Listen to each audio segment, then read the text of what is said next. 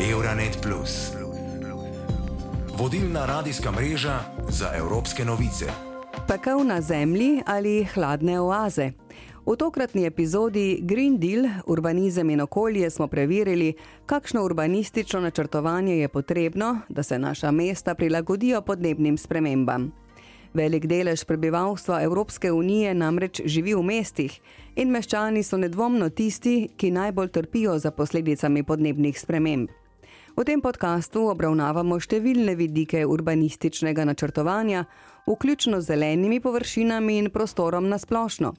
Srečujemo se s strokovnjaki iz vse Evropske unije, ki nas spodbujajo, da stopimo korak nazaj in ustvarimo bolj celostno vizijo. Oltre interventi tipo naturale, possiamo pensare. Danes je ključnega pomena, da na vseh ravneh oblažimo učinke podnebnih sprememb, začenši z osnovo posamezne stavbe, od mikrorazsežnosti in vse do velikega urbanega merila, tako sosedske kot celotnega mesta. Ne glede na to, ali govorimo o novih mestih ali, kot je pogosto v Evropi in Severni Ameriki, o preobrazbi obstoječih. Molto meglio le strade anche nei periodi di caldo e di afa. Pravkar smo slišali italijanskega arhitekta in urbanista Karla Ratija, ki je govoril z Giulio Canicaro z Radia 24. Rati pa učuje na Tehnološkem inštitutu Massachusetts v Bostonu v ZDA, kjer tudi raziskuje in predvideva, kako digitalne tehnologije spreminjajo način življenja ljudi in kakšne so njihove posledice v urbanem merilu.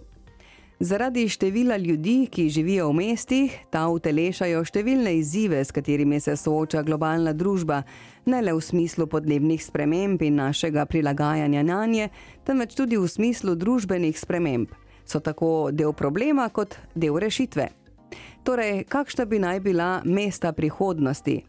Kot novinarki Radia Romanja Robini Kornačiju pojasnjuje Mihela Zamfir z Bukareške univerze za arhitekturo in urbanizem, vedno več govorimo o tako imenovanih pametnih mestih. Sunt orașe care țin cont de foarte multe aspecte, sunt orașe inteligente. So mesta, ki upoštevajo številne vidike, so pametna mesta. Govorimo o mestih, ki so zasnovana okoli naravnih značilnosti. Cilj je zaščititi prosto živeče živali, naravne vire ter z enotno vizijo regije, kraja. Mesto lahko postane bolj strnjeno in gosto, njegov vpliv na ekosistem se tako omeji. Govorimo o zaščiti vodnih sistemov. Govorimo o mestih osredotočenih na energijo. Mesto prihodnosti je zasnovano tako, da proizvaja dovolj energije, da je samo zadostno. Stavbe v takem mestu so zasnovane z namenom souporabe energetskih virov, proizvedajo količino energije, ki je enaka njihovi porabi. So mesta, ki ponujajo ugodnosti, kratke razdalje, mobilnost, zelene površine in dostop do vseh funkcij, ki so potrebne za kakovostno življenje. So mesta, ki imajo dobro infrastrukturo, zgrajena so učinkovito, so enostavna za premikanje in celo omogočajo enostavno življenje oddaljeno od središča s hitrimi vlaki, da porabimo čim manj časa v prometu. In ideja je ostati zunaj mesta, prispeti z vlakom, recimo v tako imenovani intermodalni center.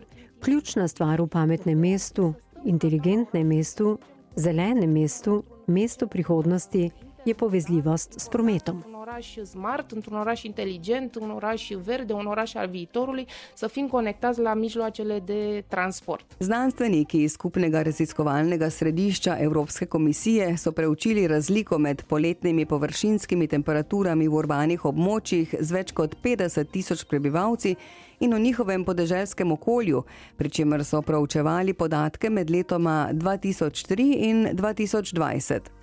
Ugotovili so, da so bile površinske temperature v mestih včasih 10 do 15 stopinj Celzija više kot na bližjih podeželskih območjih in da te temperature naraščajo.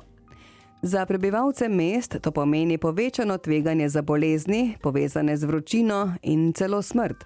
Toplotni valovi torej nagovarjajo mesta k nekaterim spremembam oziroma k skrbi za tiste vidike življenja v mestu, ki prispevajo k blaženju teh problemov. Krajinska arhitektka z Inštituta politike prostora, ki se ukvarja z urejanjem zelenih površin, dr. Maja Simoneti. Glavna, glavna dva nosilca teh um, blažilnih ukrepov sta pravzaprav javni prostor in pa potem so tukaj še javne institucije. Se pravi, neke vrste družbena infrastruktura je tista, ki pomaga vsem ljudem. Mhm. bolje živeti. Ne? Ne, tukaj niso stanovanja, tukaj niso same stavbe ali pa druge, ampak prav družbena infrastruktura, kjer je javni prostor, odprt prostor, prvi, prav zelene površine, eh, parki, ulice, vrtovi, trgi in po drugi strani potem stavbe javnih institucij, kot so šole, vrti, knjižnice, zdravstveni domovi, domovi za starejše. Prostori, kjer smo pravzaprav vsi povabljeni, da tja pridemo in nekako brez razlika, ne, brez tega, kako smo ekonomsko, socialno, etnično, um, osebno zaznamovani, živimo skupaj. Mhm. Tako da tretji vidik ne, tega spoprijemanja smo seveda ljudje. In zdaj, kako se s tem spoprijemamo, tako da pravzaprav um, načrtujemo po eni strani to infrastrukturo, socialno infrastrukturo v prostoru mesta, po drugi strani pa tudi skrbimo za tisto, ki uh, seveda obstaja. Uh, se pravi, dobro vzdržujemo in skrbimo, da služi ljudem. Ohlajanje mest prihodnosti je torej ključna prednostna naloga urbanističnega načrtovanja. Prepoznavanje zelenih načinov zato ne bo samo rešilo življenj, temveč tudi preprečilo pretirano porabo energije pri klimatskih napravah. Izvršni direktor podjetja za zeleno energijo Gren v Estoniji, Margo Külauts. Kui me vaatame, et eh, viimase rahvaloenduse andmetel Eestis elab üks koma kolmkümmend kolm miljonit elanikku Urbanizacija je realnost in glede na to, da je 50 odstotkov vse porabe energije povezanih z ogrevanjem in hlajenjem, so urbane energetske rešitve ključnega pomena, če želimo preprečiti podnebne spremembe in biti okoljsko ozaveščeni. Vse rešitve, ki prispevajo k temu cilju, so dragocene. Začne se z urbanističnim načrtovanjem in določanjem, kje naj bodo zelene površine v mestu. Prav tako, kaj storiti s strehami, ali namestiti sončne celice, ali se odločiti za rešitve, ki temeljijo na vegetaciji.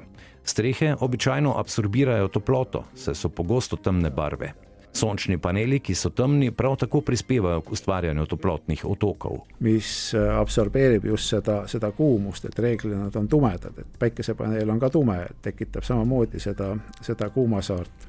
Glede na študijo, objavljeno v znanstveni reviji The Lancet, bi lahko povprečna temperatura v mestnih območjih padla za nič celih 4 stopinje, če bi vegetacija v mestu dosegla 30 odstotkov njegove površine. Študija poroča, da bi to lahko zmanjšalo število smrti neposredno povezanih z vročinskimi valovi za kar tretjino. A ne šteje samo število dreves, pravi krajinska arhitektka z Inštituta politike prostora, dr. Maja Simoneti. Tukaj niso samo zelene strehe, tukaj ni samo saditev dreves, danes je nova paradigma, ki govori o sajenju manjših uh, skupin dreves, ki uh, skušajo biti podobne gozdu, ne, ki mhm. imajo še večjo moč kot samo drevo v tlaku, naprimer, moč v smislu tega, kako hladijo, kako vlažijo, kako zadržujejo vodo ne, in kako nam ponujajo senco in, in druge koristi. Podoba mest prihodnosti postaja zdaj v teh vizijah, a ne, sigurno bistveno bolj zelena. Mhm. In po, po drugi strani pa seveda govorimo o enih um, zelo posebnih okoliščinah, v katerih bodo mesta nastajala v tem smislu načrtovanja. Ne? Kdo bo odločal, kako bomo odločali, koliko besede bo imela znanost, kako, kako blizu bo odločitvam prišla v kontekstu podnebnih sprememb in trajnostnega razvoja.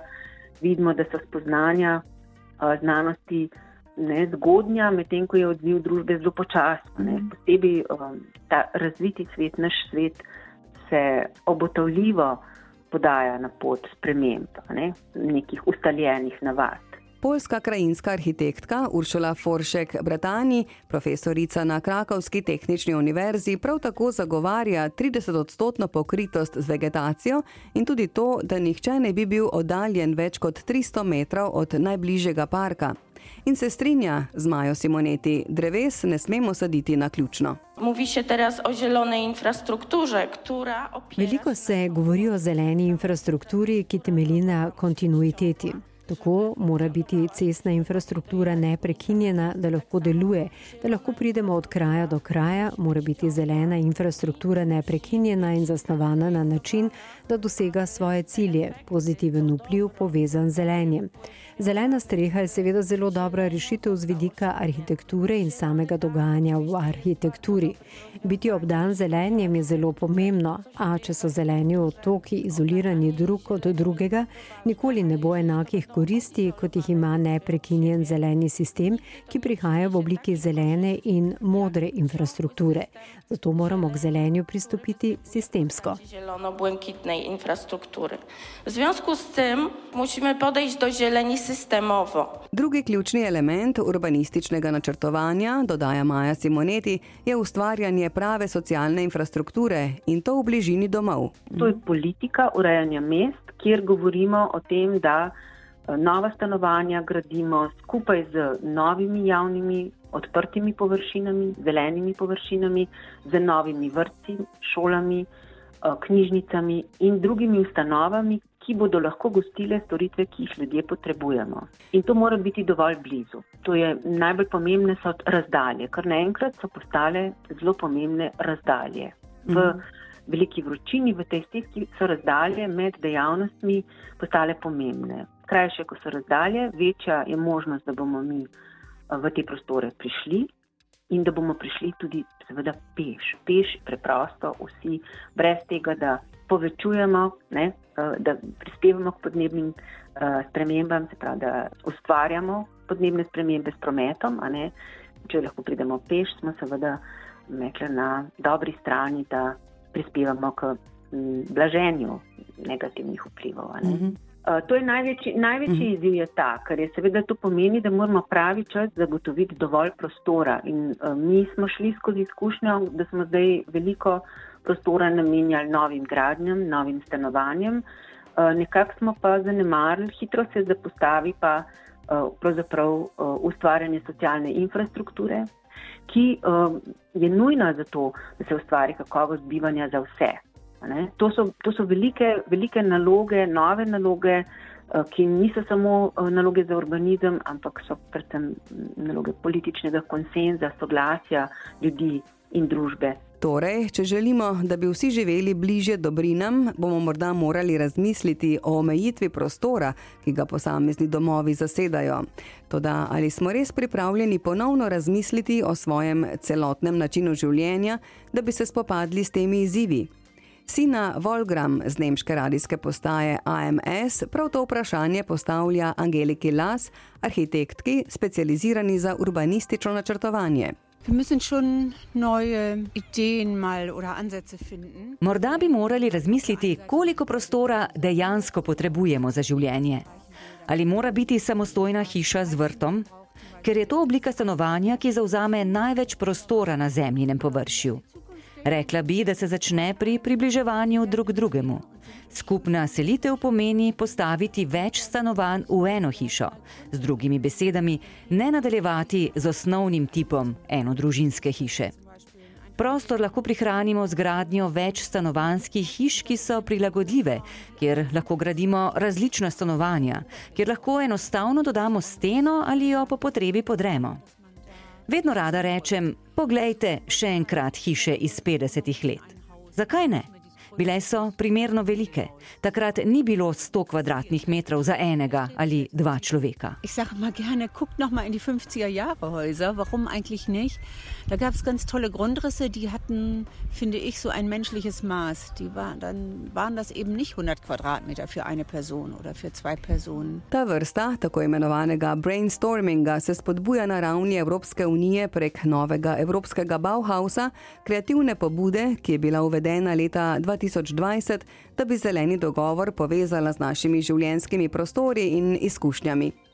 Z multidisciplinarnim pristopom novi Evropski Bauhaus združuje državljane, strokovnjake, podjetja in institucije, da bi ponovno zamislili in promovirali nove, trajnostne načine življenja, vendar ne na račun stila ali lepote.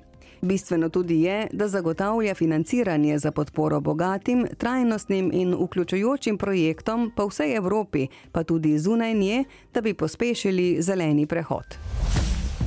Euronet Plus za boljše razumevanje Evrope.